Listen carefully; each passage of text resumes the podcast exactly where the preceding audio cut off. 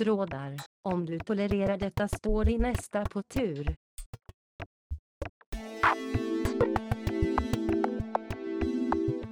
Du lyssnar på en fristående podcast som väver och trasslar med kunskapstraditioner och möjlighetsrymder. Vi som befinner oss i det här ljudrummet heter Per, Oskar och Klara.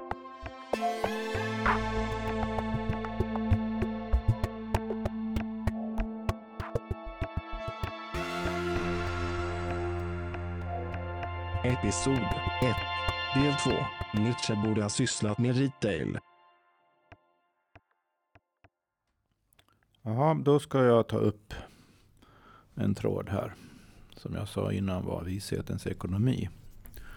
Och när jag sa det innan så slog det mig att jag vet, vet, vet ju egentligen inte vad jag menar. Men om man, om man jag har mina aningar såklart. Men om man, om man tänker ekonomi så kommer ju det av det bety, ordet ekonomi betyder ju hushållning egentligen. Det vill säga att vara ekonom är att driva ett hushåll. skulle man kunna säga. Eh, jag kommer ihåg att Linné skrev på sin tid en bok som hette Naturens ekonomi. Och då menar han hur naturen hushållar. Och hur vi hushållar med naturen. Och hur, alla som har ett hushåll som har fungerat någorlunda under en tillräckligt lång tid för att man ska kunna kalla det ett hushåll som inte håller på att falla sönder eller nystartat eller upphört eller någonting. Utan ett fungerande hushåll vet att man måste ha koll på vissa saker. Och det är ju inte bara pengarna man behöver ha koll på då. Utan det är liksom eh, mat in och skräp ut och alla möjliga sociala relationer i hushållet eh, beroende på hur många man är då. Säg att man är mer än en Sociala relationer hör till hushållets ekonomi också på olika sätt. Direkt och indirekt. Inte minst motivationen bakom hela hushållet kan man säga. Och kommer det barn in i sammanhanget så är det alla möjliga förpliktelser som går långt utöver ens egna egocentriska sfärer. Man, blir, man kan säga det man upptäcker när man får barn är att man blir mycket mer en del av resten av samhället än man var innan. Eh, och på det sättet så går ju olika hushåll in i varandra då. Och på något sätt, på något sätt kan, skulle man kunna säga att ekonomin, den reella ekonomin utifrån det perspektivet består i eh, summan av interaktionerna mellan alla faktiska pågående hushåll. Sen var alla dessa hushåll får sina resurser ifrån varierar ju beroende på vilket ekonomiskt system, ekonomiskt politiskt system, eh, vilken sorts civilisation eller vilken sorts samhälle det är. Och det vet vi ju historiskt och, och geografiskt att det varierar jättemycket hur, hur det där ser ut. Och, och, och, det finns vissa generella trender de senaste hundratalen år och sådär kan man ju säga. Men i grund och botten i det dagliga livet är ju, är ju på något sätt själva hushållningen i hushållen det som upptar mest tid och energi. För man kan inkludera så kallade jobb i det också. För jobben är ju till för att hålla hushållen igång. Man jobbar ju för hushållets skull. Man hushållar ju inte för jobbets skull. Eh, om, man, om man börjar tänka där då så tänker man... För eh, anledningen till att jag vill förankra det på det viset är att jag vill att man ska tänka på ekonomi, inte som någon sorts abstrakt grej. Samhällsekonomi eller nationalekonomi eller eller något liknande som man kan läsa en massa teoretiskt om och få modellpriser och så vidare till och med.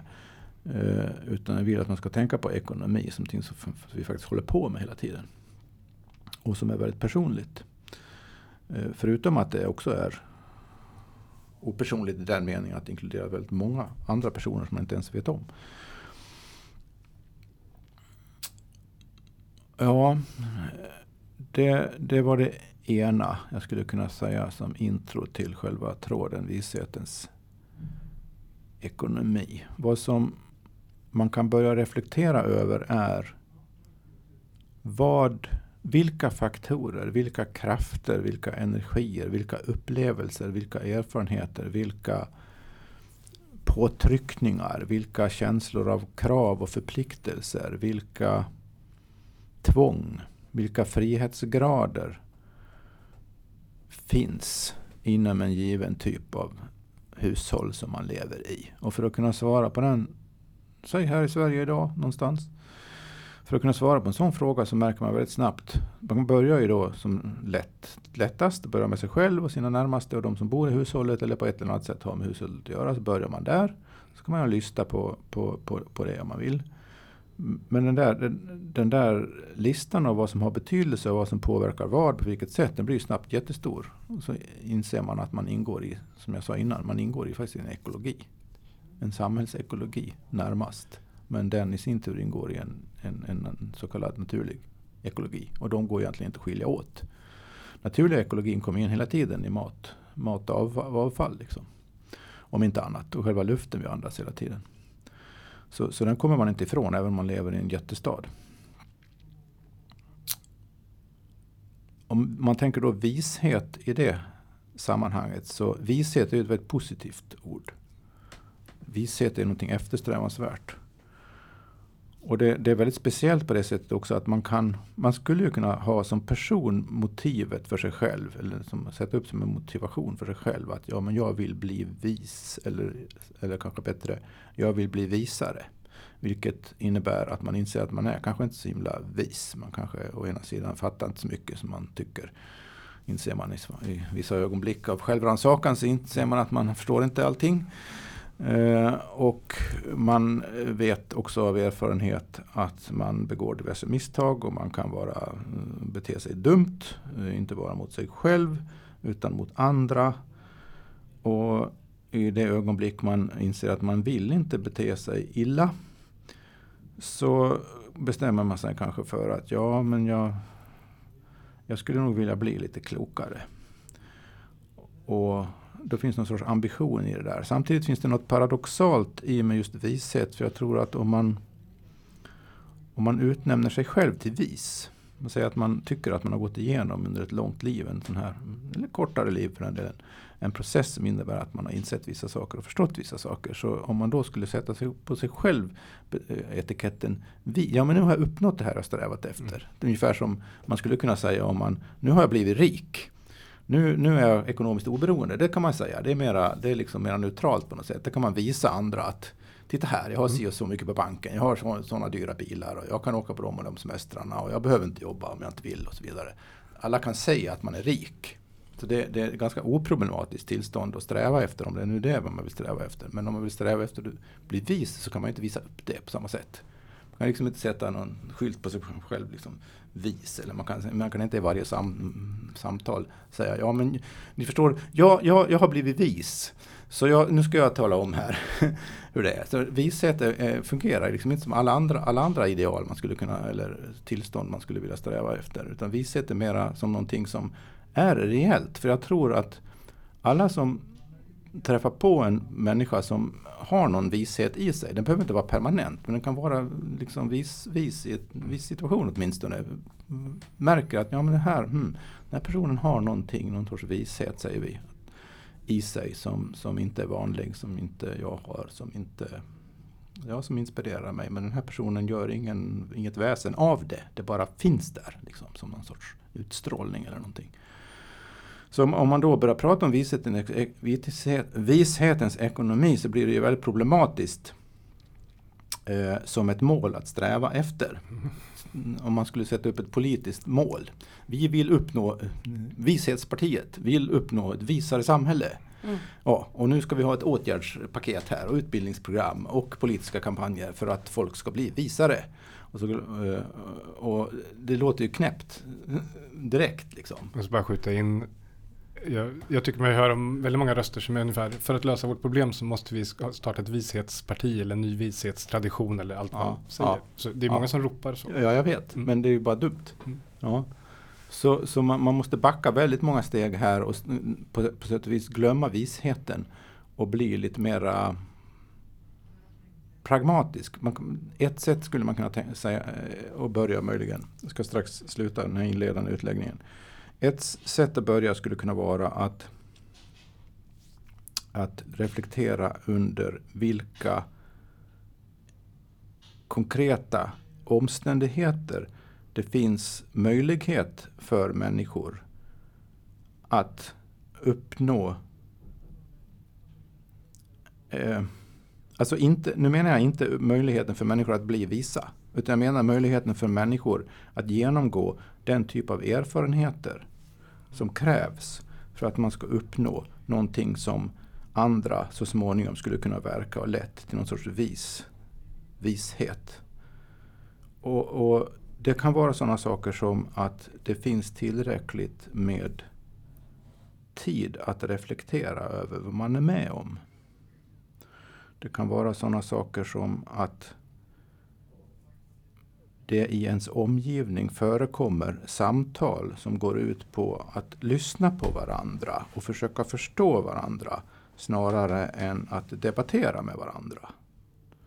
Jag skulle kunna göra en längre lista, men det finns vissa saker som, som väcker någon potentiellt, men inte automatiskt, någon sorts mottaglighet för att se och erfara och på sätt och vis placera sig i en djupare dimension av tillvaron än när man bara strävar efter vissa olika yttre mål som att bli rik eller få en viss utbildning eller sprida en viss lära eller någonting. Någonting som så att säga drabbar och gäller alla men var och en på sitt sätt. Det krävs vissa konkreta omständigheter. Som, eller nej, krävs är kanske fel ord. Under vissa konkreta omständigheter är det sannolikare att eh, vis, fler visare människor uppträder. Det är min hypotes. Men jag vet inte vilka dessa omständigheter egentligen är. Och jag har knappt ens några historiska exempel på det. Annat, jag menar, en typ av exempel man skulle kunna ha är ju Eh, om man tittar på er, erkänt visa personer från historien som har liksom visat visa på det sättet då att vad de har sagt och gjort har av någon anledning kommit ihåg i flera hundra år. Då är det liksom någonting utöver det vanliga. Och det inspirerar andra att, att tänka djupare och handla i, utifrån djupare övertygelser på något sätt än, än, än man människor normalt gör.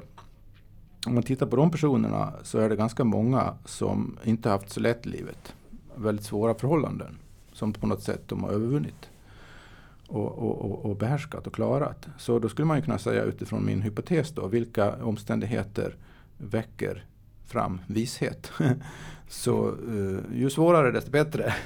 Och det, det, blir lite svårt på ett sätt då att argumentera för en, en, ett, en, en, ekonomi då, eller ett samhällssystem som skulle vara väldigt svårt för många människor. För då skulle det bli fler visa människor. Tänk om det är så. I så fall är ju talet om vishetens ekonomi lite egendomligt, vad ska man säga, självmotsägande. Men ja, jag antar att det beror på hur man ser på ekonomi. Ja, såklart. Om man tänker att ekonomi handlar om mätbara saker. Mm. Alltså siffror Mm. och mät inflöden och utflöden i en Mm. viss, ett visst antal. Mm. Så är det väl svårt med vishet. Ja, det, det är liksom en, blir en sorts kategorisammanblandning. Det går inte liksom att tänka på det i de kategorierna riktigt. Men där tycker jag nog att det som du sa i din introduktion om- omkring dig själv, att försöka få ihop två oförenliga delar. Ja, men jag tänkte, apropå det Klara sa nu då, just det. Eh, det går inte, alltså det, det blir en sam, på ett teoretiskt plan blir det en sammanblandning av olika kategorier. Men på ett praktiskt plan är det inte alls säkert att det är någon sammanblandning. Alltså det, hur, hur vi faktiskt förhåller oss till pengar till exempel. Som ju går att räkna och handla med. Är en del av det faktiska konkreta livet också. Fast det är abstrakt, fast det är en konstruktion, fast det på sätt och vis är någon sorts spel bara. Så, så, så påverkar det konkreta skeenden och i och med det så existerar det på, i sina effekter på ett konkret sätt. Mm. Så ja, visst. Det är lite det det handlar om. Att, att hitta ett sätt att tänka som, som inte delar upp det så som vi är vana. Ja, För jag tänker att det är vis, vishetens ekonomi. Ett annat sätt att säga det på är flödet av vishet. Mm, fortsätt. Eller? Ja, Alltså, nej, det- men åt hur, tänker du Det beror då? på vilket som är tyngst. Är det vishet som det här handlar om eller ekonomi? Ja, bra. som Det det är handlar bra, om. bra fråga. Om det är ekonomi, då är det ju så här den, vi, vi- den visaste ekonomin.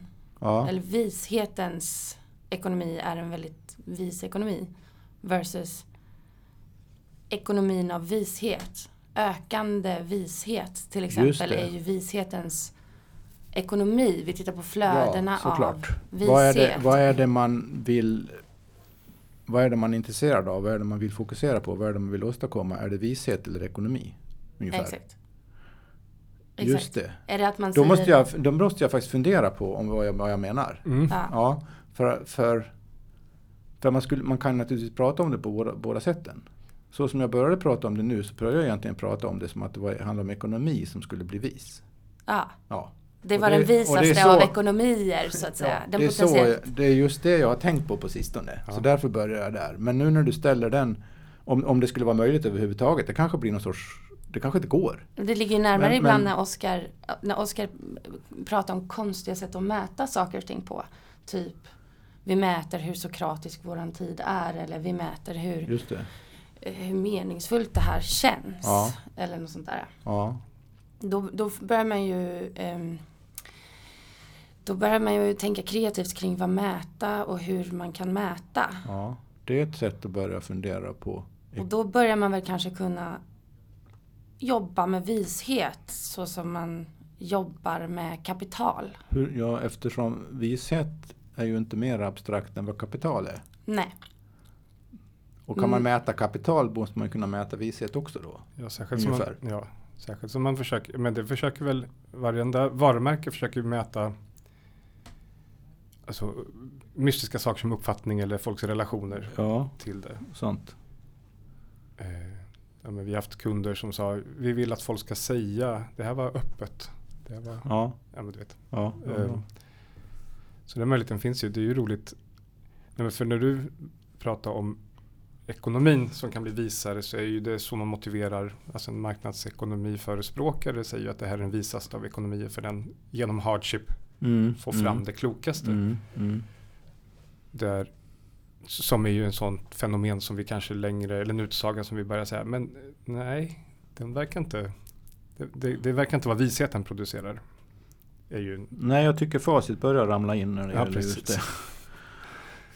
liksom aldrig central planering, bara marknadsekonomi, det blir klokare, bättre, säger man. Så börjar väldigt många människor tvivla. Ja. Eh, helt enkelt. Jag tänkte på någonting när du sa förut också att man inte kan säga att man är vis. Och sen så gled du över egentligen i att man ska kunna lyssna på signaler av vishet från alla möjliga håll. ja. Och så tänkte jag på Yoda eller Obi-Wan Kenobi eller något sånt där som, ska, Mm. som en gestaltning av någon vis. Det. Eller om man tar bara en mästare från olika traditioner. Och sen sa du ju, ja vi kan efter flera hundra år se att det, den där utsagan hängde kvar.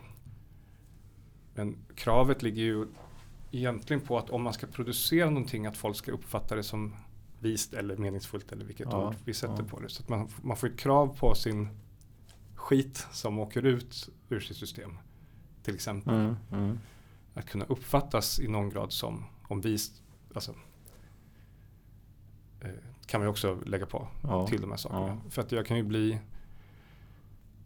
nu glider vi in i liksom, man kan lite matt utav att vi bara ska liksom, vi ska kunna höra viset överallt. Det ställer så himla krav på lyssnaren. ja, det gör det ju i så fall. och vi har en sån här, ingen kan veta vad som är klokt eller vist förrän sen.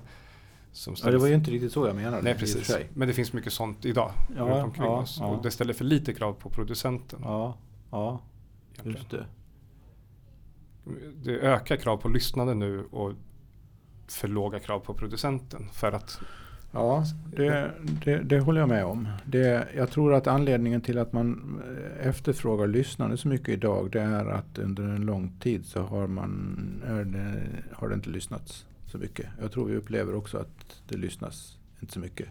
I den meningen att man faktiskt hör saker och ting. Så det är, väl- det är väl en, det är väl sorts bristreaktion det där att man pratar om lyssnande. Men det, det räcker naturligtvis.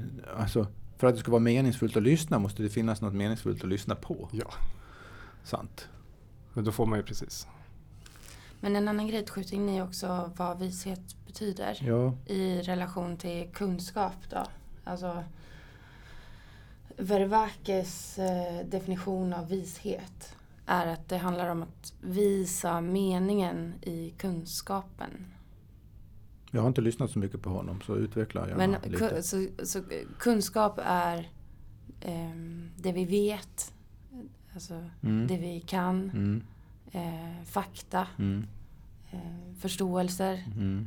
Vishet handlar om att se meningen i kunskapen.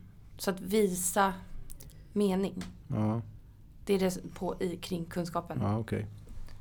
Ehm, Vi gjorde Det är en ganska stor skillnad Ja. på att bara kunna veta någonting från att kunna se poängen med det. Ja, just det. Då tänker jag en vis... Då skulle man kunna prata om en vis... Det skulle kunna finnas en kunskap som är vis i den meningen att den ökar om man tar den till sig. Förmågan att urskilja bakomliggande meningar. Ja. Ja. Men om man pratar om en vis person så måste det vara förmågan att i sig själv leva uttrycket för dessa underliggande meningar. Att gestalta i sin egen person en underliggande mening i vad en människa kan bli ungefär. Vilket, vilket på sitt sätt i själva sin existens implicerar den, den här meningsfulla kunskapen. Men den behöver inte i sig den kräver inte sig existensen av en sådan kunskap hos den personen. Men vad händer om man lägger på framåtblickande också då? Om vi pratar om, om output och produktioner. Om vi tar Obi-Wan eller Ja. Yoda som, eh, som hjälper andra. Ja. Alltså, deras, ord, deras visa ord. Det blir ganska roligt från din Klara där. Att visa meningen på en kunskap om hur man ska handla framåt. Mm. Eh, gud vad svårt det blev. F- för att man, då måste man ju säga någonting som faktiskt inte är en, en given kunskap som är giltig för alla. Utan det är ju en handling Ja, som ska vara vass eller viktig Ja. på ett ja, väldigt särskilt sätt. ja. Kanske därför ofta de här vishetsutsagorna framåt ofta är väldigt kryptiska. Tänker jag. För att den, den måste, nu bara fyller jag i här, men den måste kunna liksom skilja ur sig från en stor mängd av andra handlingar efter en specifik handling. Det är därför jag, menar, jag tänker på Yoda pratar ju baklänges och jättekonstigt. ja, och också av den anledningen att visheten, i visheten ingår insikten att det inte går att förutsäga saker och ting särskilt exakt. Men ehm, ja, jag tycker vi stannar med vishetens ekonomi här. För nu Mm. har vi lagt den, nu har vi liksom spunnit ut den tråden på bordet här lite grann. Ja, här ligger den. Så, så nu, nu, nu tar vi en annan tråd och ser Ja. om det har någon effekt på sammanhanget. Ja, då, ehm, då kommer tråden Nietzsches ensamhet. I, som jag sa innan, jag läst boken Så talade Zarathustra. Som skrevs på 1880-talet. Mm. Den, den får vara i det här rummet för att precis så som vi har pratat här tidigare kring designande handling så är det en extremt kreativ handling, hela den boken Mm. av Nietzsche. Ehm, en bok för oss fria, fria i anden. Så beskriver han den själv. Och jag vet inte om man ska säga någonting om kontexten där. Ehm, 1800-talets eh, världen som Ni- Nietzsche lever i. Mm. Ehm, början på en utveckling som vi nu är ehm, i ett senare skede av. Mm. Början av industrialisering, demokrati så som vi känner den. Mm. Och det som ehm, där han har en stark känsla för att ehm, det har gått fel. Det är på väg fel. Ehm, det finns en potential som vi är på väg att förstöra i allt det här. Och Zarathustra som kreativ handling är ju då ehm, persisk profet Mm. som levde 800 före Kristus. Som i hans, eh, i Nietzsches tolkning är innovatören, eller han får stå för innovatören av idén om gott och ont. Den idén som sen blev eh, kristendomens stora moral. I det persiska sammanhanget kallas han normalt Zoroaster. Zoroaster, Mm. ja. Men det, det fina är ju då handlingen i att gå tillbaka till den här tiden och hitta på en helt annan berättelse om hur det egentligen var. Just det. För med idén om gott och ont så förlorar vi förmågan att gå bortom det och skapa någonting större i princip. Säger i enkla termer. Så då går han tillbaka ehm, och berättar en alternativ story om vad, istället för idén om ehm, gott och ont så kommer en ny idé. Ehm, som handlar om att skapa övermänniskan. Och att eh, jag har några punkter som jag skrivit ner så jag rabblar om. Ja. Att ge utav överfullhet. Inte ge utav, alltså inte som en sån, inte ge så att det gör ont utan ge, bli så full så att man ger av överflöd. Mm. Ehm, att spiritualisera instinkt. Ett steg närmare kroppen. Mm. Bort från en viss ehm, uppdelning mellan kropp, kropp och själ. Um, och ett sätt att göra detta som att man sträcker ut, når ut till stora själar så att de joinar projektet att skapa övermänniskan.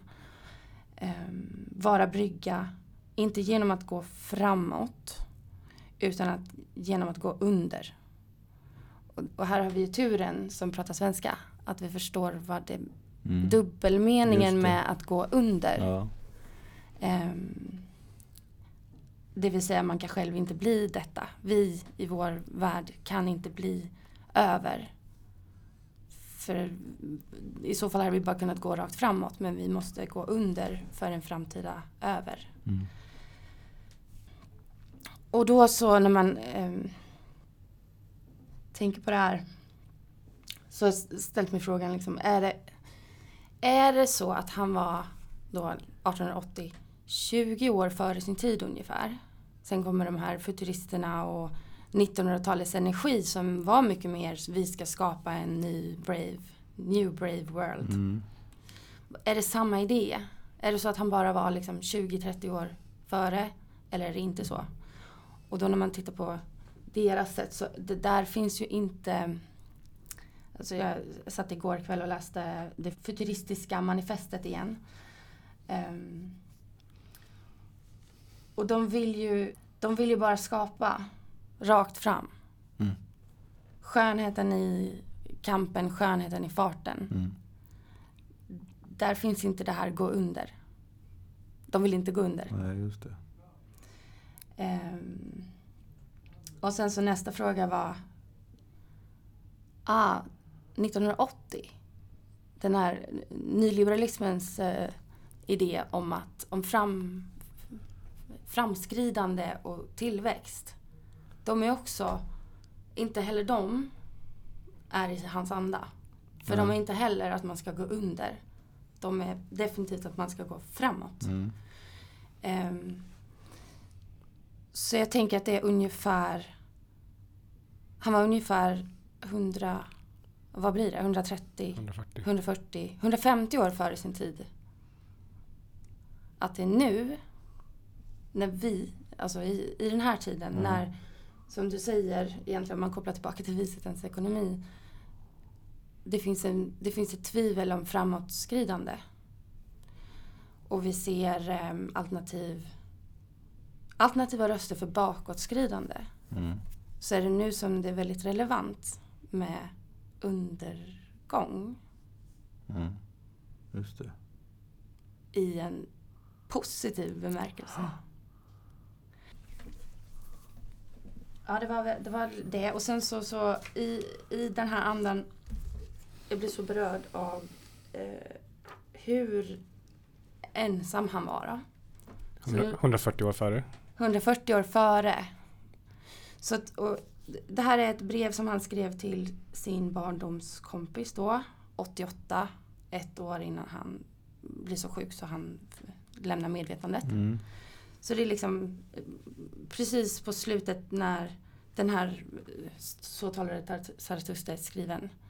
Um, läste jag här då. Det har inte varit något stolt tigande som gjort att jag har känt mig tvungen att hålla mun så gott som inför alla. Det är tvärtom en för, förödmjukande tvång hos en lidande som skäms att medge hur mycket han lider. Ett djur drar sig in i sin håla när det känner sig sjukt. Så gör nog även det odjuret filosofen. Det är så sällan som några vänliga röster når fram till mig. Jag är nu ensam och hyggligt ensam och i min förbittrade och underjordiska kamp mot allt det som människorna hitintills ärat och älskat. Min formel härför, här, min formel härför är omvärderingen av alla värden har jag så småningom självt blivit urholkad. En som gömt sig undan så att man inte skulle få tag på honom ens om man gav sig ut för att leta reda på honom. Men man går inte ut för att leta reda på mig. Oss emellan sagt, och nu pratar han ju då om oss mm. 140 år senare. Eh, nej, han pratar med sin vän, men han pratar också med oss. Eh, var var jag någonstans nu oss emellan sagt, omöjligt är det inte att jag är denna tidsålders främsta filosof. Kanske till och med en smula mer. Något avgörande och ödesdigert, på gränsen mellan tvenne årtusenden. En sådan egenartad position får man minsann ständigt, ständigt göra bot för. Genom en tilltagande, allt järnhårdare, allt mer skärande avskildhet.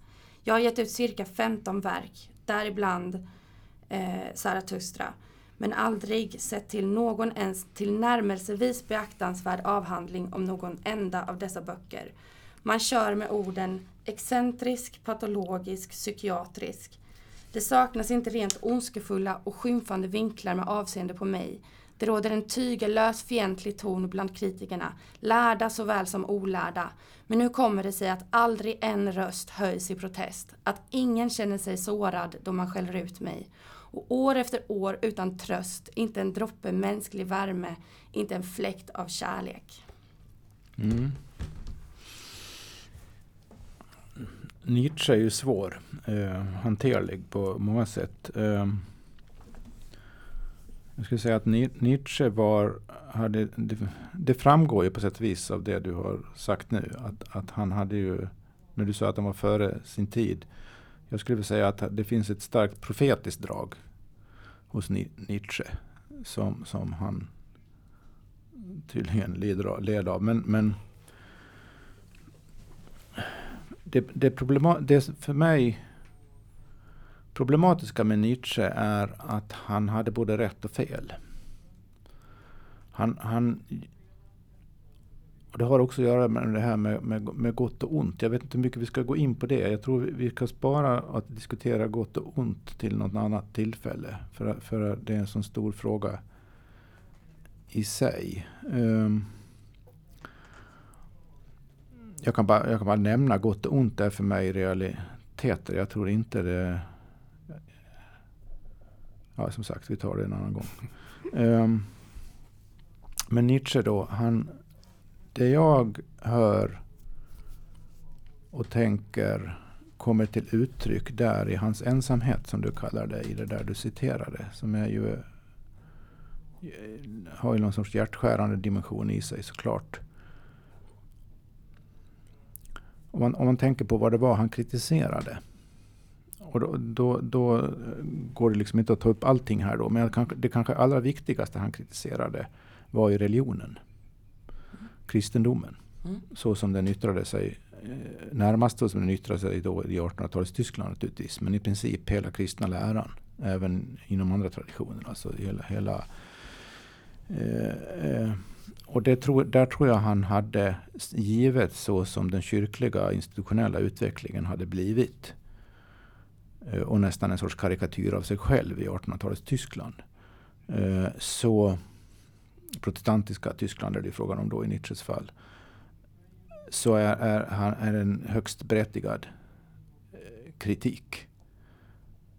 Som han ju driver till sin spets. Och det är, inte konst, det är inte svårt att förstå att det är ingen som gillar det där. För att eh, hans kritik är ju radikal på riktigt. Alltså den går till roten i ordet radikals egentliga betydelse. Den går till roten med saken. Han kritiserar bara inte vissa yttre uttryck av, av, av kyrkan. Maktmissbruk eller någonting liknande. Eller, eller kyrkans politiska makt eller något sånt där. Han kritiserar själva fundamentet. Hela teologiska fundamentet.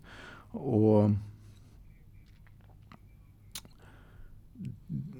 och i, utifrån det fundamentet har ju följt en massa andra saker som präglar samhället. Så han kritiserar ju inte bara religionen och kyrkan utan på köpet så kritiserar han ju hela den tyska borgerliga samhällslivet. Och, och det är klart folk blir sura. Och jag tror att vad han led, vad, vad, vad, vad han inte förstod själv skulle jag säga var att det låter lite, lite övermaga sådär att säga vad han inte förstod. Men jag menar ju nu då, jag, jag, jag, jag har ju ingen liksom jag menar det här mera på ett idémässigt plan nu då. Men delvis med personliga konsekvenser. För att om man kritiserar någonting väldigt hårt och det är en berättigad kritik. Då, får, då möter man naturligtvis motstånd om det, om det, om, eftersom folk känner sig fruktansvärt träffade. Och ett sätt att hantera när man känner sig fruktansvärt träffad det är ju att, att inte bry sig om det. Att alltså ignorera det totalt. För att om vi, om vi inte säger någonting, om vi inte bryr oss om den där knäppa Nietzsche, så är inte så farligt. Då, då, han kan väl få vara där och vara lite, vara lite galen på sin alptopp ungefär. Och, och, och, han menade ju att han hade kommit med liksom en vass, giltig kritik av någonting och så får han ingen reaktion. Annat än att han är knäpp. Men ja, jag, jag tolkar det, jag, för jag tolkar, jag läser ju på mitt sätt. Ja. Jag tolkar det inte som så, det är klart att det är mycket kritik. Men jag tolkar det väldigt mycket som en, ett måleri. Liksom. Och att det handlar ganska mycket om potentialen som hade kunnat vara. Ja, men det, alltså, jag skulle det, komma till det. Ja. ja. potentialen som skulle kunnat vara, det han ser som så att säga det som eh, det han kallar övermänniskan. Borde... Det, det, som är övermänniskan som man måste gå under för att komma till ungefär. Mm. Det eh,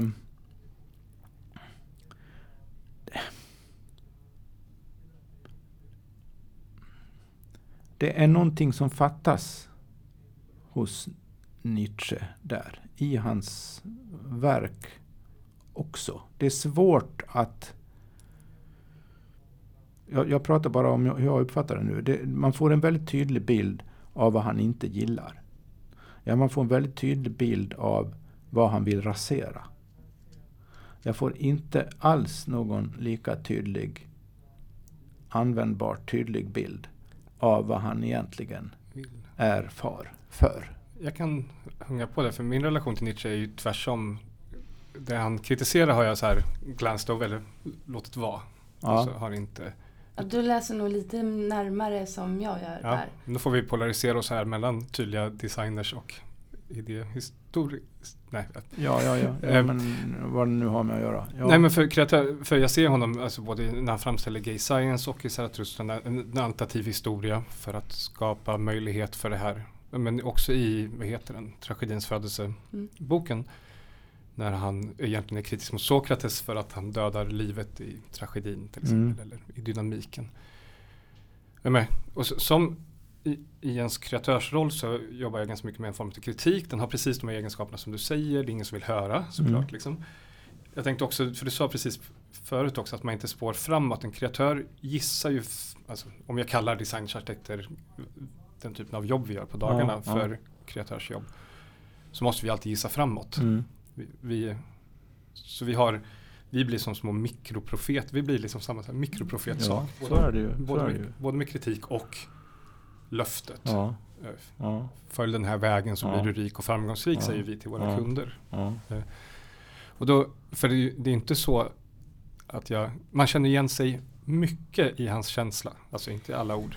Ja men jag, jag vill bara lägga till en sista så här, bara för att ge ett exempel på vad han målar upp som han vill.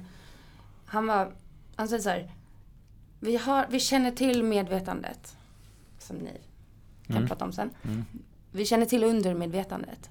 Men vi använder inte begreppet övermedvetandet. Mm. Så vi har bara två nivåer, vi, vi mm. behöver den mm. tredje. Mm. Det är liksom verkligen ett uppåt. Ja. Eh, ett, ett, någonting som är ett övermedvetande. Mm. Och övermedvetande för mig, det är så här bara vi börjar bara, bara man tittar på det ordet så börjar man kunna fylla upp det med massa mening som vi egentligen ja. tänker på men vi inte har samlat ja. under ett begrepp ordentligt. Mm. Så bara där är en designbrief. Liksom. Men det håller jag med om. Och eh, vad jag menade innan med Nietzsche var inte så mycket... Jag menar, han, han betonade sådana saker som kraft, intensitet. Alltså att, att, att det, det, det sannare är... Det kraftfullare är sannare än det svaga skulle man kunna säga. Mm. Och det där är många som opponerar sig emot. Utan att kanske förstå riktigt tankegången. Men, jag tror vad som, men vad jag ville säga angående vad jag tror Nietzsche inte klarade var... För, alltså hans, jag menar hans kritik var, var i väsentliga avseenden riktig. Det han försökte formulera som han var för det här, liksom, du säger övermedvetande till exempel. Det, det, det ligger mycket i det också. Men om man tittar på hans person så är det något som inte stämmer. För, för han... Jag tror han, han, man, man, skulle kunna säga att vad han gjorde, som så många filosofer har gjort, fastnade på en intellektuell nivå som inte gick, riktigt gick att tillämpa i det vardagliga, verkliga livet. Det är ungefär som om du ser någonting. Du ser en möjlighet. Du tänker dig fram till en möjlighet. Du, du tänker dig fram till den via kontraster. Att en möjlighet finns. Kontrasten är det du är emot. Det som kontrasterar mot det är det du därmed blir för. För, du, för det du är för är det som undertrycks av det du är emot. Och det där ser du som en tydlig konsekvens av, av hur du tänker och hur du i, i och med att du tänker så upplever tillvaron på det sättet. Men vi pratade om jordning tidigare, att vara liksom rejäl i vardagen. Mm.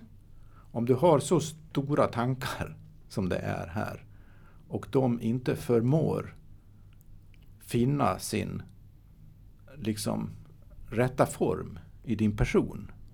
Då, då menar jag, då drabbas du av den där väldigt speciella ensamheten som han upplevde. För, för alltså, han, han lägger, han lägger bristen i skulle jobbat med omgivningen. Retail. Han lägger bristen i omgivningen.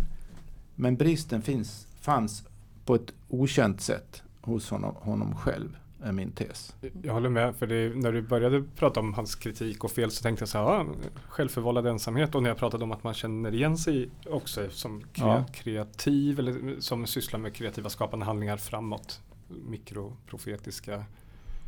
För vägen ur som Klara tog, när du tog in vägen in när du tog, tog den här, alltså låg han 140 år före sin tid. Det är ju en, en sätt som vi ofta pratar när vi pratar om shit, idén är jättebra men den är tio år före sin tid. Alltså, jag undrar om, vad du tänker kring det nu, om 1900-talet? Ja, där, för, före sin tid är alltid lite du. problematiskt på ett sätt. Men ja, en gång till. Eller du var inte klar, Oskar? Jo men det blir ju, antingen så är det självförvållat för man rotar sig inte helt. Alltså, ja. Men det här tillhör ju en kamp som är daglig här. Mm. För, för mig är kanske förklarat, för du får prata för dig själv där i Klara, men kampen är typ så här att den här idén som jag kan frammana mot, med hjälp av över, översinnena eh, har ingen chans att vara livskraftig nu på fem år. Det är ju sådana gissningar eller spådomar mm. som, vi, som mm. vi håller på med. Mm. Den här idén är jättegiltig nu men den kommer inte leva så länge som fem år.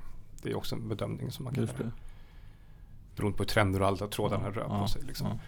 Så när man spänt bågen, någon gång så gjorde jag ju ett arbete så här, ja, men hur får man åt, åt en så här icke-linjär värdekedja ekonomi, angående vishetens mm. ekonomi, utan får man en som är mycket fetare än det cirkulära, för den är bara materiell man pratar mest om, men som innehåller skapandet.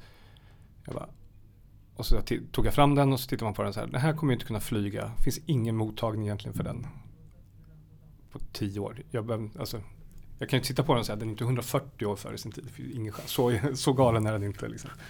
20-30 år. Och så kan man också veta att någonting behöver gå under för att den ska kunna uppstå. Mm. Men det är en annan sak. För att koppla till under, gå under.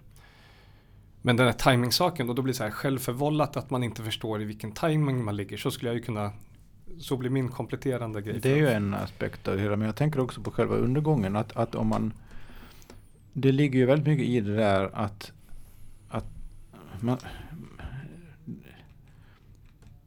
att om någonting är fel så måste det gå under för att något annat Ja, alltså dubbeltolkningen måste, man- måste man ha med. Ja, det måste Att det man. handlar om att gå djupare. Ja, det- ja, exakt. Gå under och gå, ja, jo, men gå djupare. Ett sätt existentiellt som människa så kommer man ju som regel bara djupare om man först har gått under. Det behöver inte ha bokstavligen dött, men man måste, ens gamla jag måste ha gått under. Det håller inte längre. Precis. Ja. Så det är liksom inte Så för att offer. födas på nytt Det är inte sacrifice. Nej, Ja. att, att gå under innebär att gå in i mörkret. Och det, det, det, nere i djupet är det mörkt. Va? Att gå in i mörkret. I mörker, om det inte uppstår något an, ett, om man inte där hittar det ljus som leder en vidare ut ur mörkret igen. Som är ett annat ljus än, än det som utgav sig för att vara ljus. Som gjorde att man gick under. Alltså det, det han kritiserade kyrkan till exempel var ju någonting som utgav sig för att vara ett ljus. Mm. Ja, och, och, och det genomsyrar hela samhället på ett jävligt irriterande sätt. Ja, så så en, ens jag som, som, som säga, tampas med det där då går, går under och kan inte leva i det överhuvudtaget. Går, då går man liksom under, då går man in i ett mörker i förhållande till det. Det vill säga i förhållande till väldigt många andra människor som man, som man måste ha att göra med. Och om man i det tillståndet då inte upp, hittar det ljus som på ett sätt gjorde att man såg vad som var fel, men inte hittade tillräckligt starkt, så man kommer aldrig ur mörkret igen. Man går verkligen bara under. Vilket Nietzsche gjorde. Så säger det någonting om vad han inte förstod, vad han egentligen aldrig klarade av. Vad, vad, och, och, och, och, och så där har du liksom, fast, fast det finns så mycket som är rätt hos Nietzsche, så blir det i och med hans egen oförmåga där på något sätt. Eller fel, någon, det är något feltänkt i det hela. Så, Ja, så men blir, alltså jag- fast det är rätt så blir det fel i alla fall. På, ett- på ett väldigt komplicerat, eh, om man är lite nördigt filosofiskt intressant sätt. Men mänskligt sett kanske olyckligtvis då. Ja, det är ju tråkigt för den, en person att veta att vi kommer aldrig, vi kommer aldrig kunna gå över. Mm. Vi kommer inte komma ut på andra sidan i ett ljus. Det är inte den, det är inte den enskilda resan som han målar upp. Utan det är ju kanske alltså det är ju nästa generation och generationen efter. Men jag skulle Som säga hamnar- att det som blir både över. och i och för sig. Jag tror du sa igår när du berättade om den texten så sa du väl att han säger att övermänniska blir man aldrig själv. Den är bara någonting man skapar för en annan. Ja, det är ju precis. Ja, men där... Och jo, då är det okej, ju då är det, ju det som, geme, det som gör det, det som är vår, Ja, men- ja, vårt, vår, vi, vi ska brygga men vi kommer inte vara Men där, det vi brygger för. där och då vill ju han ju, poängen är ju vi alla ska, poängen är att vi ska skapa en ny moral som säger detta. En moral om att brygga för någon annan som inte är vi. Mm. Men det där jag tror tanken, Inte genom att offra oss. Utan genom att skapa överflöd. Men det är där jag tror tankefelet hos Nietzsche ligger. Att för... Eh, Genom ett sånt gemensamt mål så får vi en ny moral ja, som leder... jag tror moral ska man undvika överhuvudtaget. Eh, tänka i termer om moral, blir, mm, det tror jag är fel. Eh, Och att den gamla moralen då var den gott och ont Men moralen som var bara Och två. det finns ju något... Att säga att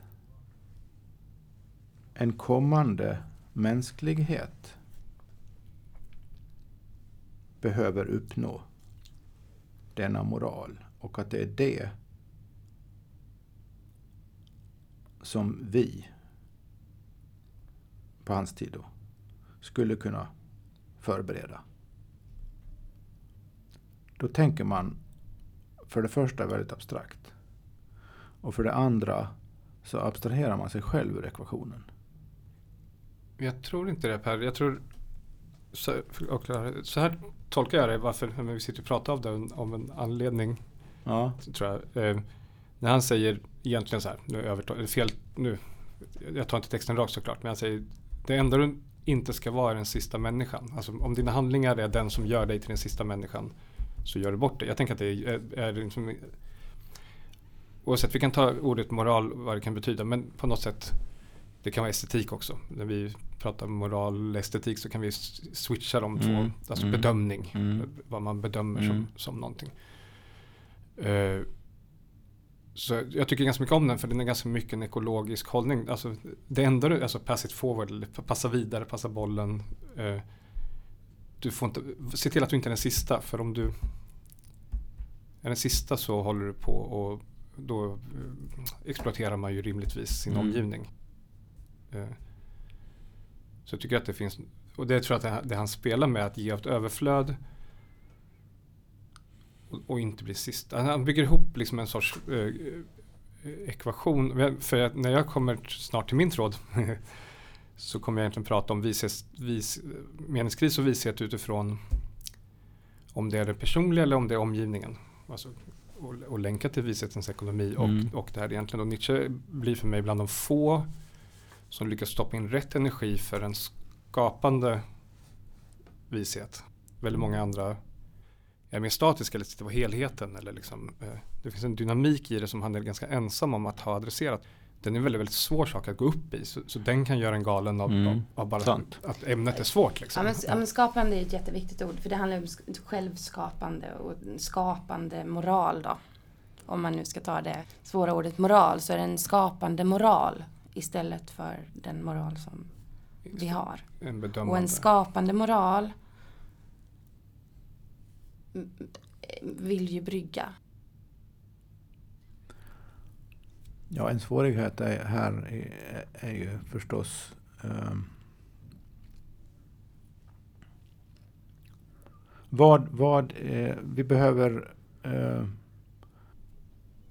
vi behöver urskilja i detta vad vi har sagt nu vad som är mera intressanta idag användbara reflektioner.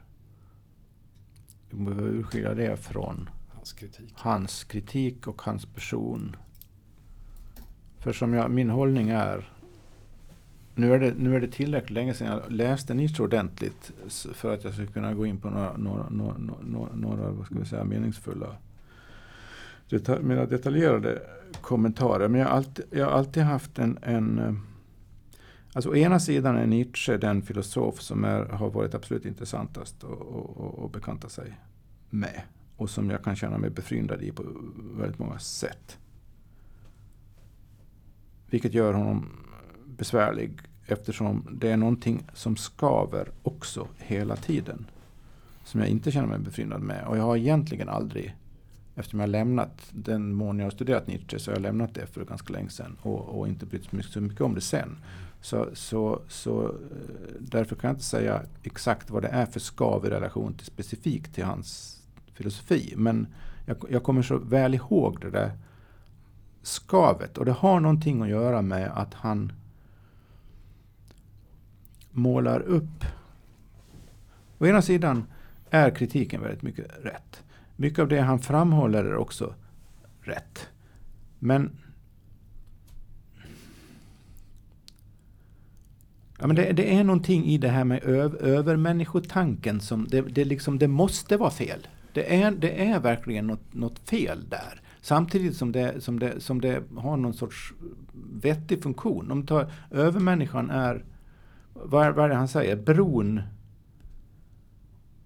Övermänniskan betyder ju inte liksom som man tänker på Stålmannen eller något sånt där. Utan det, det betyder ju den människa som så att säga går över. Ja, men överart är ju ett annat eh, ord man kan lika säga det. Från den här arten Ja. till en Ja, överart. alltså den, en, en människa som inte finns än. Versus en Ja. pågående urartning. Ja, Liksom. Ja, jag kan nog läsa Det som- urartar. ja, ja Arten jo, är men, på jo väg- men exakt. Övermänniskan är ju, den, är ju den, den människan som kommer efter oss skulle man kunna säga. Mm. Den, Ja. den som skulle kunna bli efter oss. Ja. Och det där, det där jag hela tiden, det där det har skavt hela tiden. Det där jag tror han, han hamnar helt galet. Och jag, jag tror det också måste vara anledningen till hans, han, hans lidande också. För han fäste någon, någon sorts vikt vid just det som blev så otroligt personlig och han kunde liksom inte bära det där på något, på något vis. Ja, det- Är en hypotes jag skulle kunna ha. Va? Men, men för, för, för om man tittar idag då, vilka är det som pratar om övermänniskan idag i Nietzsches mening?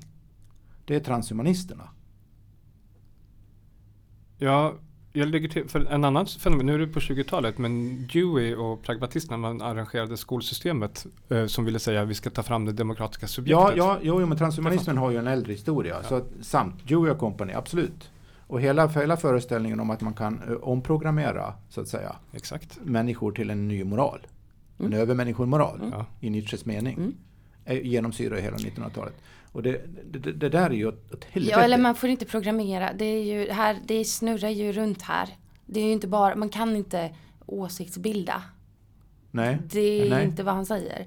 Men här, det, är, det är ju lite flummigt. Liksom. Ja. Man får inte åsiktsbilda. Istället så handlar det om det här ähm, sträcka ut, tala med Mm, för att en ny mening ska skapas. mm, Jag kan inte säga vad den nya, vad du ska liksom. Nej.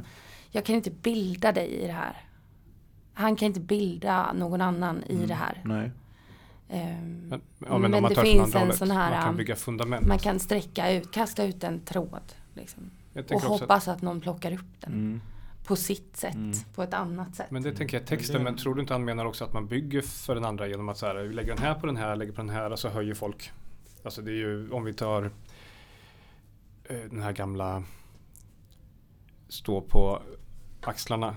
Alltså, Men det måste ju ja, ligga fast det någonting... måste börja om då från, från 800 år före Kristus. Ja, men det måste ju vara en rot hos Nietzsche här som han liksom, tankarna fanns hos han på, ett, på sätt och vis hos en del andra också, men det var ju en otroligt intensiv form hos just honom. Va? Så, så det måste ju finnas en, en, en en gemensam rot här som är anledningen till att Nietzsche också är en kontroversiell figur historiskt.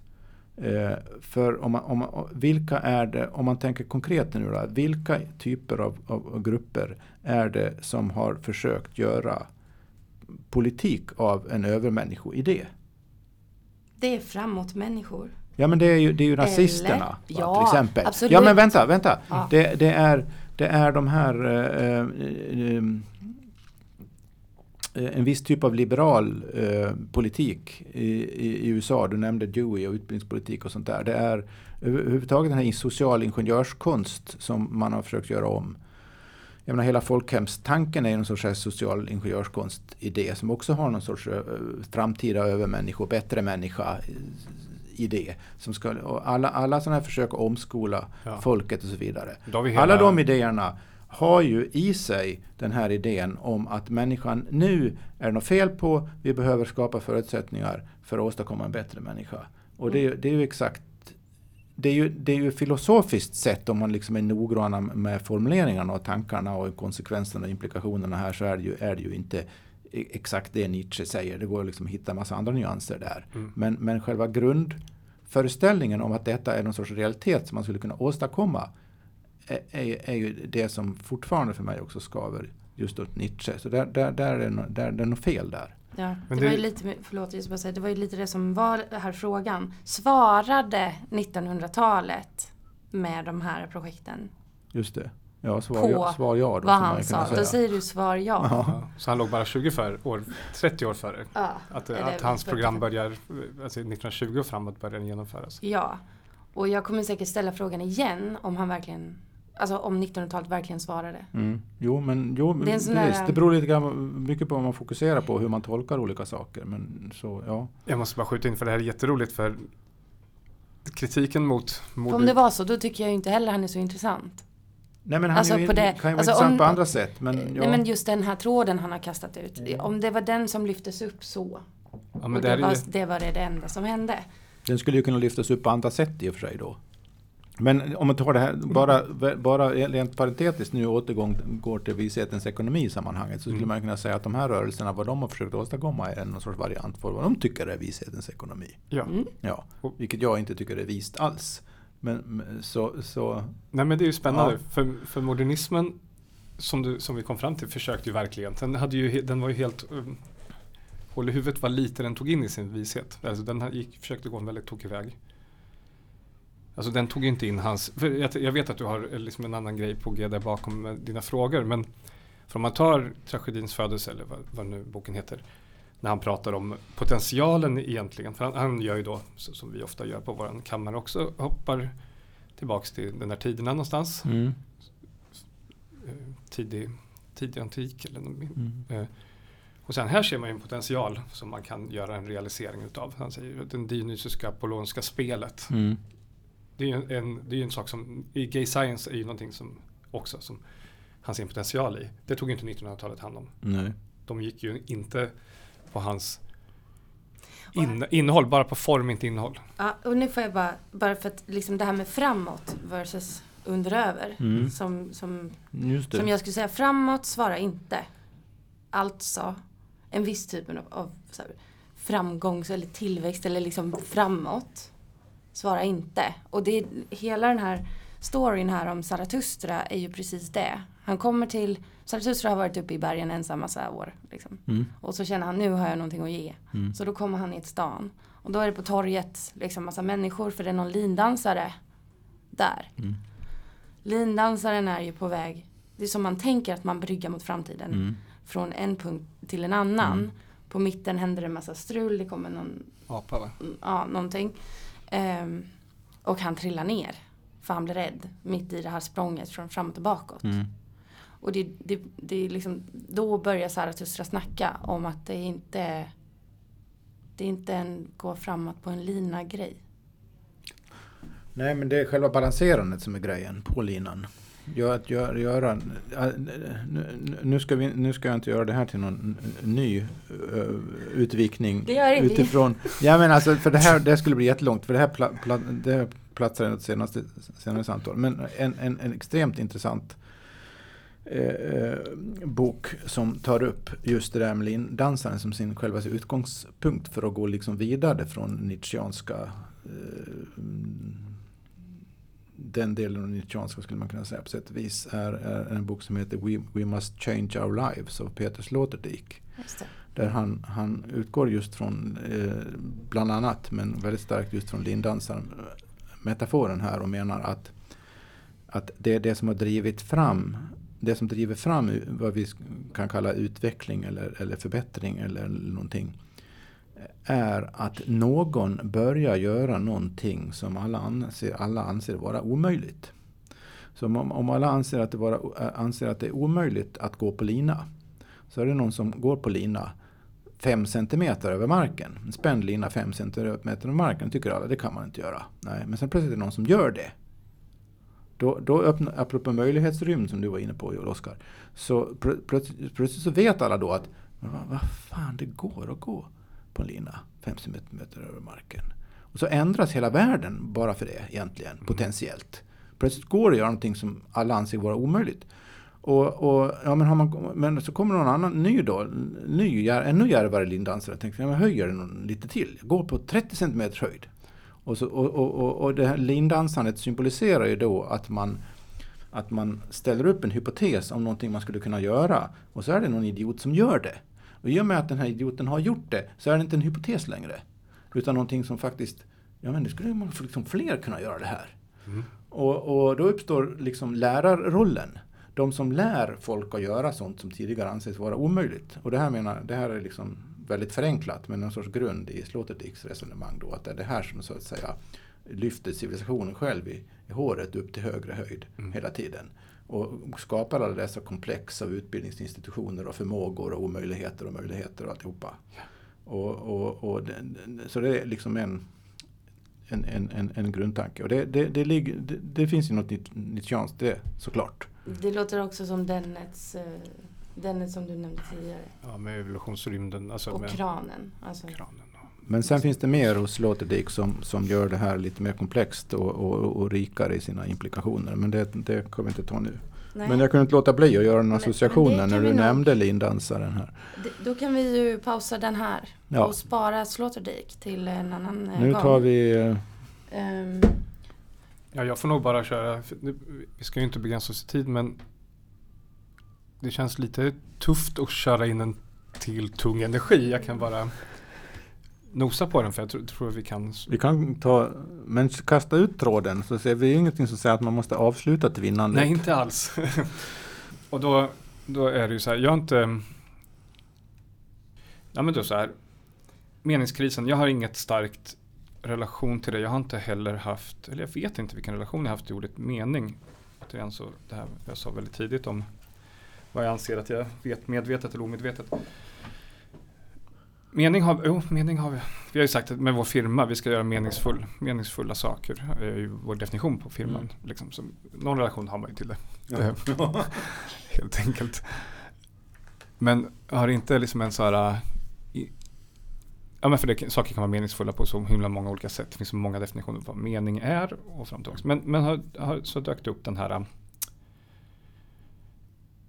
Alltså, det är jättestort, särskilt om vi tar i den anglosaxiska världen, om vi åker över Atlanten och tittar i USA och Kanada så är ju mening jättestort när, med Jordan Peterson som producerar, alltså som är ju en, en poppisfigur för många människor.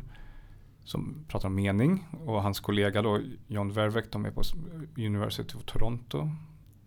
eh, Som eh, pratar om meningskrisen, alltså vakna upp från meningskrisen varför jag säger det här. Och sen så när man, man följer ett antal olika amerikanska diskurser där sådana här frågor blir jättepoppis väldigt snabbt. Så det finns en stor efterfrågan.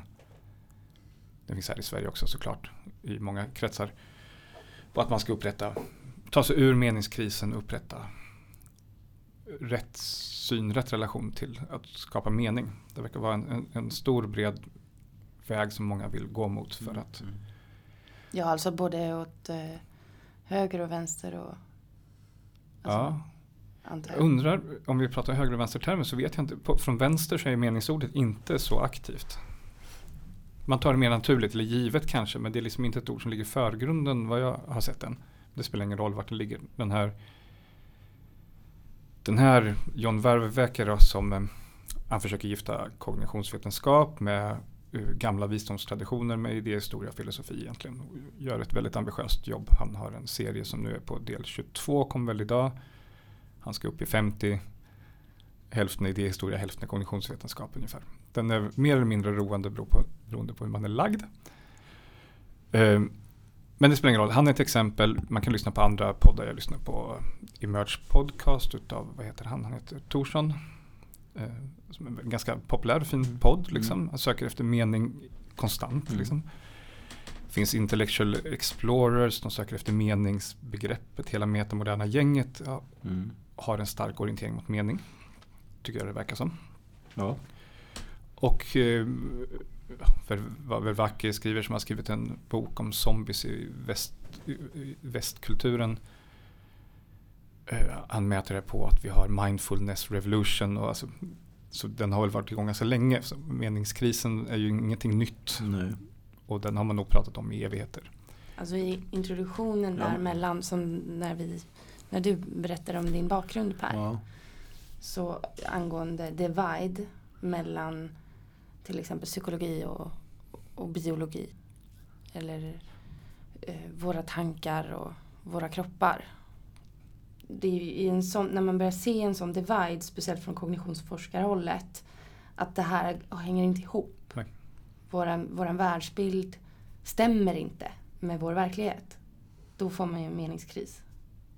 Ja, ja, det är ju en sorts meningskris. En sorts. en sorts ja. Det finns nog många verkar det men som. jag har ju en, en, men en, ett, om man tänker historiskt, ett, ett, en, ett skede där meningskriser i viss mening uppstår är ju, och det är väl han också inne på i den poddserien, ehm, är när ett under århundraden uppbyggt civilisatoriskt meningsgivande system som fördelar roller och uppgifter och tankegångar i samhället på, på ett sätt som gör att man inte behöver reflektera av dem särskilt mycket. När, det- när eh, det bara löper på. Liksom. Alla är nöjda eller missnöjda fast inom samma ramar. Då, då, eh, när ett sådant system börjar krackelera och inte liksom kunna upprätthålla sin meningsproduktion på invanda premisser längre. Då uppstår en meningskris. Så han menar väl att, och det är väl många som menar, det att det är en sån meningskris vi upplever nu. Ja. Och den meningskrisen i så fall, historiska meningskrisen, kollektiva meningskrisen egentligen, som tar sig individuella uttryck naturligtvis, eh, har börjar, det är lite olika del, delade mening om när man menar att den började då, men, men jag, jag tror den mest slående början som verkligen, där man inte kan förneka att det verkligen säger någonting, när det verkligen började på riktigt, även om man kan se föraningar innan hos Nietzsche till exempel, det, det är ju efter det första världskriget. För innan, innan dess hade man ju, fram till första världskriget så hade man ju en, en, en väldigt tro på att nu i det här moderna nya med både konst och allting och arkitektur och ingenjörskonst och eh, ny ekonomi och välstånd och, och globalisering. Och vi är väldigt globaliserat slutet på 1800-talet, början på 1900-talet. Eh, nu är vi på väg, liksom, nu har vi det fanns ju den här utvecklingstanken också, att nu, framstegstanken, att nu, nu har vi uppnått någon sorts... Mm. Och det, det var, nej, men, precis, alla var mer eller mindre liksom på olika sätt eh, utan att tänka så mycket, eller tänka mycket, överens om det där. Fan vad bra vi har börjat bli. Mm. Och så kommer första världskriget och bara kaboom! Bara mosar alltihop. Men där måste och, sen har ingen riktigt lyckats bygga upp någon mening igen.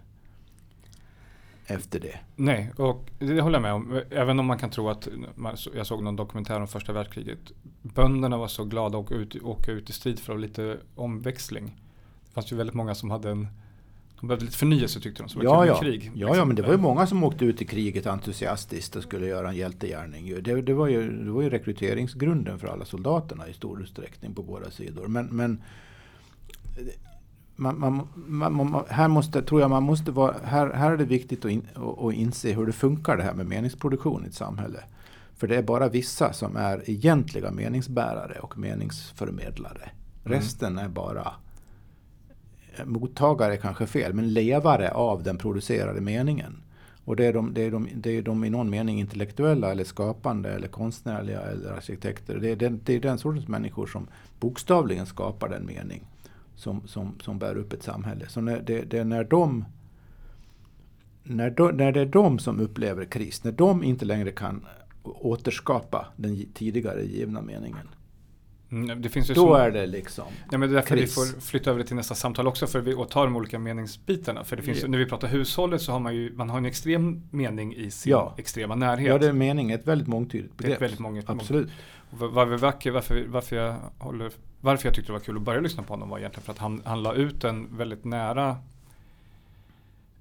men vänt bara för att förtydliga. Ja. Han pratar väl ändå om meningskris i, i den här kollektiva meningen? Han pratar i ett antal olika eh, nivåer. Han har inte definierat meningskrisen så himla noggrant. Han, han, han nämner till exempel så här. Vi ser att människor har minskande förtroende för institutioner i hela världen. Ja. Vi ser att ökad eh, depression och eh, andra psykiska sjukdomar ökar i hela världen. Ja.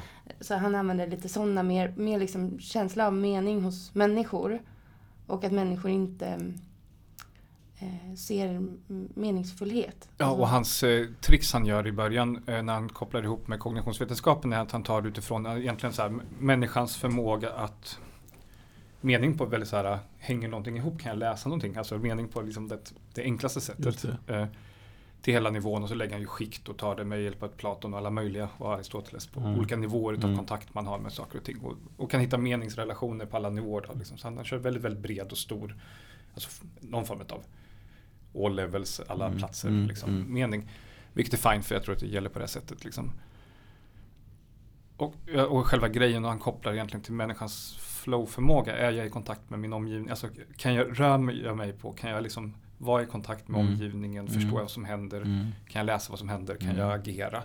Och då måste han lägga på alla möjliga högre former av ja, förståelse. men med andra ord så laborerar han egentligen parallellt och delvis ihopknutet med flera olika meningsbegrepp. Ja, absolut. ja. Mm. Och det är så jag också går in i den. För mening, mm. det, mening är ju sånt ord så att det betyder både liksom en skriven mening som jag kan läsa och det betyder en mening i, med, i, olika tidsrymder. Så ordet mening är sådär, det finns någon bok som heter så här, sju former av mening. Men vad är kontentan av den tråd du ville kasta in apropå ja, men då, det där nu? Då är det ju så här, när man har lyssnat på 21 stycken avsnitt så hör ju lite grann hör jag vart han barkar och så hör jag alla de här andra poddarna man lyssnar på vart de barkar. Vart det verkar bege sig eller bära av. Eh, överlag så är det ju liksom, titta här från de axiala revolutionerna, vilka sätt de hade att hantera både den här världen som vi ser här och den egentligen större världen med all, alla mystiska saker i. Vilka bra teknologi eller tankesätt. Och, så överlag försöker man ju upp, återupprätta eller hitta, han säger, han säger salvage det bästa ur de gamla traditionerna. Det, det, är ingenting främmande för oss, det, det är kul, alltså det är viktigt. Men det som jag reagerar på som, som frågan kommer till är ju, och den, den här frågan uppstod också när jag lyssnade på dig och Erik när ni gjorde bibelavsnitten som är ett Mm. sätt att lyssna på hur man byggde mening och fick Ja. värld, igång världen för sig själva.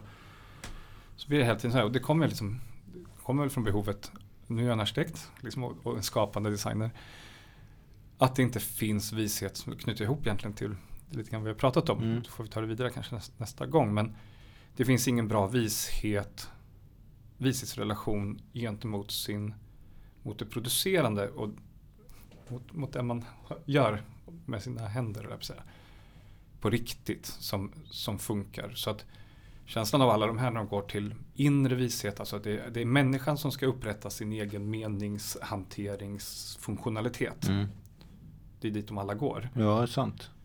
Eh, Ja, där är, no, där är någon brist. Det är någon brist. Ja. Och, och, liksom, och när jag lyssnar på Bibeln så är det liksom, eller det kan komma till bibelsaken, men så min vibe är så här, förstår de inte att att utan att förstå, och då kan jag gå till en antropolog som heter Hall, Edward Hall heter han va? Som säger vi har två stora kriser, ekologiska och den mänskliga krisen. Mm. Liksom. Och utan att lösa båda två kommer vi inte lösa någonting. Så extension till våra objekt, alltså här, när vi pratar om naturligt, naturliga syborger eller vad vi är, att Mm. vi sitter ihop med vår omgivning. Så då blir det så här, de där som söker vishets och meningsfullhet gör egentligen säg, axialproblemet. För min idé här är egentligen att från 500 före alltså från de här tiderna så är man hela tiden egentligen okunnig om design. De här 2500 åren. I som vishets Design i meningen konkret realisering av av insikter eller någonting. precis till, till den, till var, den Som, omgivningen. som används och Som blir en del av det dagliga livet. Ja. För, och då har en hypotes, eller som jag försökt leta de sista veckorna här, dagarna är ju så här, arkitekt, vad kommer de doriska joniska ordningarna för? Var- var- Vart är de vishetsstadda? För klassiska arkitekturerna hade ju en bärkraft i Mm. ganska länge. Men jag gissar att de egentligen är förgivet tagna utav axial, när de knäcker liksom vår relation till verkligheten då, överlag brett. Det. Så det är någonting föraxialt, och det ska vi inte gå längre i, det är någonting föraxialt i design och arkitekturfrågan. Alltså den axiala revolutionen är Det är mycket Jaspers idé om att eh, egentligen den typen av människa som vi nu för tiden tycker att vi är, som vi känner igen oss i som historisk varelse, den som tänker själv och har eh, individuella erfarenheter och Mm. uppfattningar. Så om du träffar en människa från typ 1000 före Kristus, Ja, du får hoppa Då tillbaka kommer- 1500 då. kanske. 1500, då kommer man inte känna vi är inte samma. Mm. Men om du träffar någon 500 före Kristus Så är vi samma. så är vi samma för vi har samma förhållningssätt till flera olika verktyg. Typ Särskilt- språk och skrift Särskilt oss, vilken typ av art vi är, alltså vilken typ av varelse vi är. Mm. Eller och någonting. medvetande på något, någon något typ sätt. av nytt självmedvetande. Just Ja, det. men det där målar vi ut i nästa gång, för det här är ju Ja, en jag ville bara för eftersom axial är liksom, jag visste inte vad det betydde för en månad sedan. Så. Den axiala revolutionen är egentligen, då knäcker man kristendomen, hela den antika grekiska tankevärlden, eh, buddhismen och Mm. Daoismen, Daoismen. i Kina. Mm. Åtminstone i sin nuvarande. Alltså, nuvarande någon sorts skriven form. Precis. Eh, så om man går tillbaka och söker efter vishet, upprätta mening och få ordning på det, om man, om man, vilket alla har gjort, man går tillbaka till grekerna, går tillbaka till grekerna, går tillbaka till, eller till buddhismen eller vad Mm. folk gör, så kommer man inte så djupt som man behöver eller, så- man, för att kunna upprätta just det här. Man, kommer, vi, man behöver komma till försokratikerna till exempel. ja, de har mer utav det. tidigare. Precis. De- Men kanske ännu mer Gamla tidigare. Egypten. Ja. Och det vet vi att vi har pratat om, eller ni har pratat om, men vi har Mm. pratat om mycket. Så det tänkte jag, så den tråden, för den tänker jag att den kan också, den relaterar till både Nietzsche-diskussionen, särskilt som jag tog den skapande aspekten, Ja. potentialen i vad som Ja. kan bli när han går för sokratisk. Och vishetens ekonomi tänker jag att det rör sig mot. Men det, det är en väldigt intressant och jätteviktig invändning mot den här eh, medvetande meningsfixeringen. Att det har någonting med en, en, att, att, att man fokuserar på att det bara är någon sorts, handlar om någon sorts inre transformation. Och, och att vishet då också i så fall innebär också, eh, eh, bara handlar om det. Alltså bara, att, att det bara handlar om eh, meningskännande, meningsskapande personer. Men, men eh, på ett inre plan. Alltså du, du menar alltså att man bortser från, man, man, man, man missar att om förvandlingen bara sker och pratas om. Då kan man ju så i den riktningen så missar man att om det sker en verklig transformation så behöver det, inte minst som en sorts samhällsutvecklings, från ett samhällsutvecklingsperspektiv, så behöver det konkretiseras på olika Alltså sätt. vår kontext. Vår, din vishet kommer Mm. från din kontext Ja, till stor del. och Ja. kommer till oss via Alltså kontext. rummet du sitter i, världen du ja, lever i. ja, Så mm, om vi bara fokuserar på oss själva eller liksom människornas ja, tankar och eh, dialoger. Då missar vi att vi skapas av vår omgivning varje dag. och skapar vår omgivning. Och skapar vår omgivning. Så om man inte lägger visheten på den relationen människa-kontext. Just Då blir den Relationen in, in, så kallat inre och så kallat yttre. Precis. Och både kanske då i trådande Ja, jag är, med, jag är Bakåt helt och med på det. framåt, Jag är helt men- med på det.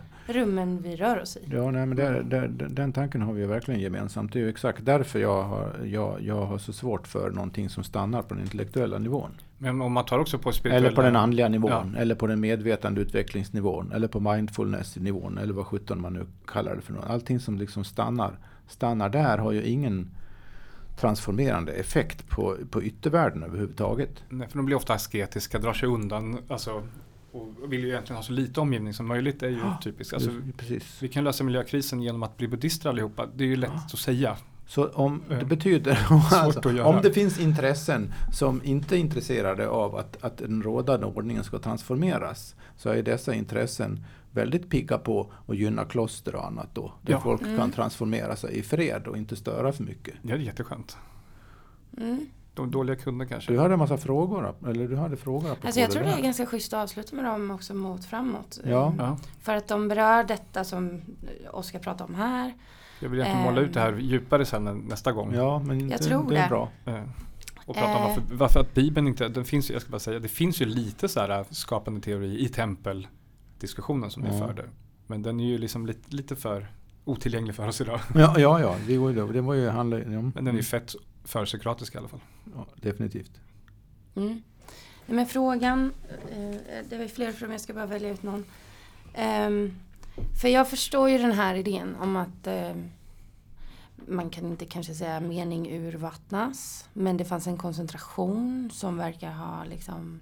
Det, det, vi har förlorat någonting. Återigen det som vi pratade om innan. att ehm, Nu när vi har fått förmågan att skriva saker så tappar vi vårt minne. För då behöver vi inte längre komma ihåg saker så för vi kan skriva ner dem. Mm. Till exempel. Det är en Citat- väldigt gammal cit- Citat från citat från eh, Tott. Ja, ja, det är Platon. En, Platon. en av Platons dialoger finns ju den här kritiken. Exakt. Ehm, den idén som senast eh, Oskar pratade om väldigt mycket igår. Eh, och förra veckan med orden arkitekturen är död. Eller som Nietzsche då, Gud är död. Eller eh, litteraturen är död. Eller konsten är död. På något sätt så låter det som att vi lever i den mest meningslösa tiden någonsin. Mm. För ingenting lever, allting är dött. Och så då, und- jag, jag förstår det som sagt rent om man tittar på en sån story. Mm. Om hur det är så. Mm. Men samtidigt förstår jag det inte. Jag bara, vad menar man när man säger så? Egentligen, och är det verkligen så att vi lever i den mest meningslösa tiden någonsin? Och i så fall är känsla av mening verkligen så himla meningsfullt? Ja, det här är bra frågor. För jag tänker lite på skammen som kommer när man har trott på någonting. Typ. Mm. Mm. Lite sådär naivt. Man Just har verkligen, typ, det. jag Ja. gillar Nietzsche, sen bara pinsamt ändå. eh, för sen i efterhand känns det dött. Eller när man är barn och leker med en leksak och den Mm. är någonting och sen Mm. är det bara en docka så Mm. känns det lite skamligt. Och där blir det liksom så här, igen, jag har inte Jag har frågat förut men, men jag skulle gärna skicka med den till nästa gång. Om det verkligen är så. Och vad, vad, vad betyder det liksom? Hade du mer frågor för att måla ut det? Nej. Det är ju massa frågor men jag tror att de räcker faktiskt. Ja, det är väl att är vi i vår tid zombies helt enkelt? Är materian som omger oss zombies? är verkligen så. Just Är det. det bara Sarks, ingen Soma? För den där, jag börjar tröttna på den tråden också. Ja, Den har ja, ja. hållit igång Ja. då sedan Platon eh, Ja. tidigare. Än dess Ja, det är ja, väldigt eh, intressant. Mm. Det har vi tänka på. Det är en väldigt bra utgångspunkt för vidare vidare ordanden. Ja. Då tackar episod ett för sig själv kanske. Ja, Episod 1 det, säger tack. det säger vi. Vi får lägga ut några så här kontaktmöjligheter och grejer som man vill prata med oss på. Ja. Det mejla och, Ja. Tack. Du har lyssnat på trådar. Om du tolererade detta står nästa på tur. Tack för din tid. Vi som befann oss i detta ljudrum var Klara, Per och Oskar. För att komma i kontakt med oss och delta på resan, besök vår Facebook-sida som heter Trådar Podcast. Gilla den gärna och ännu bättre dela den. Och dela dina tankar med oss, och kanske även gå med i vår grupp. Trådar, gruppen, hur som. Detta var allt för denna gång. På återhörande.